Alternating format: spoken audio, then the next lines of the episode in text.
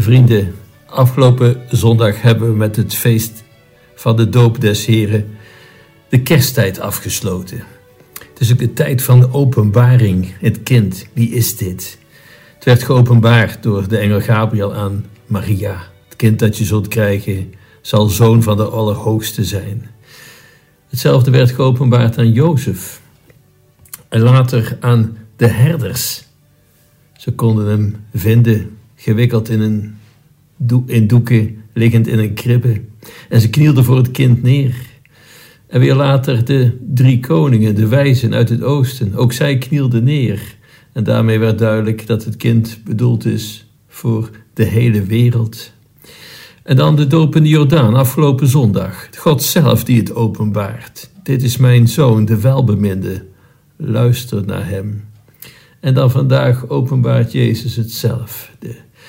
Hij begint met zijn openbare missie. En dat begint met de bruiloft van Cana. Wat is daar aan de hand? Er is een bruiloft. In die tijd waren bruiloften trouwens iets wat zo ongeveer een week duurde. Um, Maria was aanwezig, Jezus was aanwezig, de apostelen waren aanwezig. Wie er trouwde, we weten het niet. Maar wat gebeurt er? Op een gegeven moment, de wijn raakt op. En dat, dat lijkt iets triviaals, maar toch. Het is eigenlijk een schande als je een feest geeft en je kunt de mensen geen wijn meer voorzetten. Wat gebeurt er? Maria zegt op een gegeven moment: Doet maar wat hij u zeggen zal. En dan verwijst ze naar Jezus. Ja, en die bedienden staan met de handen in het haar. Maar goed, ook niet meer wetend wat te doen, gaan ze naar Jezus. En die zegt iets merkwaardigs. Die kruiken die daar staan, die grote kruiken. Gooi het water wat erin zit, gooi dat weg. En vul het met, met bron, vers water. Die kruiken stonden daar voor de voetwassingen. Je reisde te voet. Het was niet altijd even fris als je aankwam. En dat is een gebaar van gastvrijheid. Goed, ze vullen de kruiken met water. En Jezus richt zich tot God. Hij zegt tegen de tafelmeester: Schenk er maar iets van uit. Goed, u kent het. Het blijkt wijn te zijn en nog wel van de allerbeste soort. Wat is het voor een wonderlijke geschiedenis? Eh, het lijkt een beetje ook een, een beetje een luxe wonder. Jezus die water in wijn verandert, zodat het feest door kan gaan. Zoiets zullen we later ook zien bij de wonderbare broodvermenigvuldiging. Ja, toch handig voor iemand die daarvoor kan zorgen. Vindt u toch niet vreemd dit wonder? Waarom schrijft Johannes over dit voorval in Cana?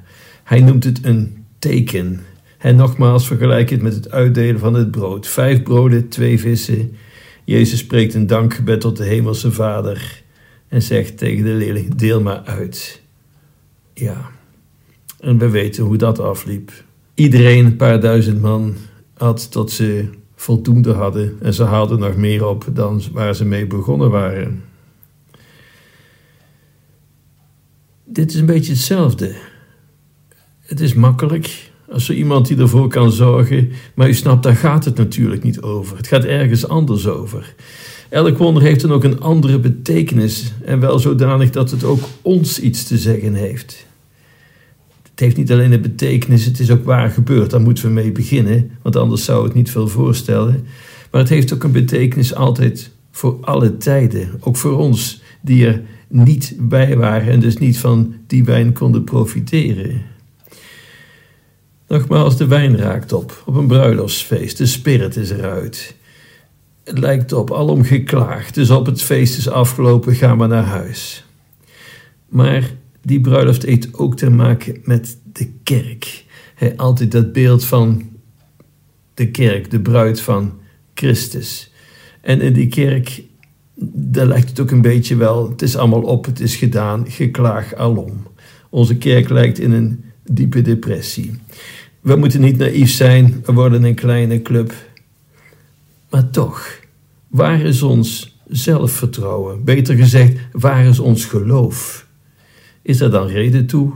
Ja, kijk naar het evangelie van vandaag. Als uw geloof, als uw vertrouwen verwatert, begin dan maar met naar Maria te gaan. Maria, ik zie het niet meer zitten, doe alstublieft iets. Op die bruiloft ging dat zo, laten we het ook zo doen. Het is goed dat we Maria weten te vinden. Zij is ook onze moeder. Maar het is niet Maria die de water in de wijn verandert. En daarom zegt Maria: ga naar Jezus. Dat is trouwens, beschouwt Maria als haar taak voor heel haar leven te verwijzen naar haar zoon Jezus. En vandaag dan ook die woorden: doet maar wat hij u zeggen zal. Zijn overigens de laatste woorden van Maria die we in het Evangelie tegenkomen. Als de bruiloft hopeloos in het water dreigt te vallen, blijkt het beste voor het laatst bewaard. Wijn en overvloed en nog wel van het beste soort. Wat is dat nou voor een teken dat Jezus in Cana en ook aan ons geeft? Dat de situatie helemaal niet hopeloos is. Sterker nog, de beste wijn is voor het laatst bewaard. Eh, als pastoor en als bischop hoor je heel wat mensen verzuchten. Vroeger eh, zaten de kerk vol en vroeger was alles beter en vroeger dit en vroeger dat. De litanie van alle klagenden die is nog langer dan de litanie van alle heiligen. En toch, en toch, de samenvatting van die klaagliederen is: de wijn is op, het feest is afgelopen, ga maar naar huis. De laatste zal het licht wel uitdoen. Wat laat Jezus zien? De wijn is helemaal niet op. De wijn is helemaal niet op. Kijk eens wat verder. Kijk eens wereldwijd. Kijk hoe die kerk groeit. Dat heeft hij altijd gedaan. Sinds dat Jezus zijn eerste woorden heeft gesproken.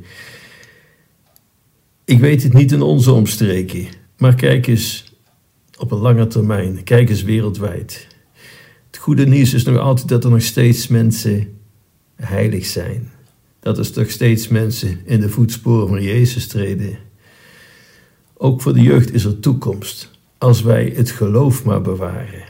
Als wij maar voor ogen houden wie Christus is. Waarom doen we de ogen dicht voor de wonderen die voor onze ogen gebeuren? En voor de heiligen die opstaan, nog altijd. Waarom staan we ons blind op ja, ons eigen kikkerlandje dat zichzelf wel het middelpunt van de wereld vindt, maar dat natuurlijk helemaal niet is? Kijk eens wat verder. Die kerk is geen failliete boedel. Die kerk van Christus is geen failliete boedel. Ik ben eh, auxiliair bisschop van Ukula. En dan zult u denken, wat is Ukula? Dat is een eh, gebied in Noord-Afrika. Het gebied van Augustinus. Ja, kijk eens naar de tijd van Augustinus. Die lijkt verdacht veel op de onze weinig nieuws onder de zon in die zin, qua kerkelijkheid, mentaliteit, noem maar op. Ook toen zal je concluderen, laatste, laat de laatste het licht maar uitdoen. Want er bleef niet veel over toen Augustinus daar weg was. Inmiddels zijn we 1600 jaar verder. En wereldwijd is die kerk ongelooflijk gegroeid. En nog steeds, nog steeds doet Jezus tekenen en wonderen en hoe. Kana is het beeld van hoop, van goede moed. De beste wijn is er nog steeds. Vanaf Kana, gisteren, vandaag en in de toekomst.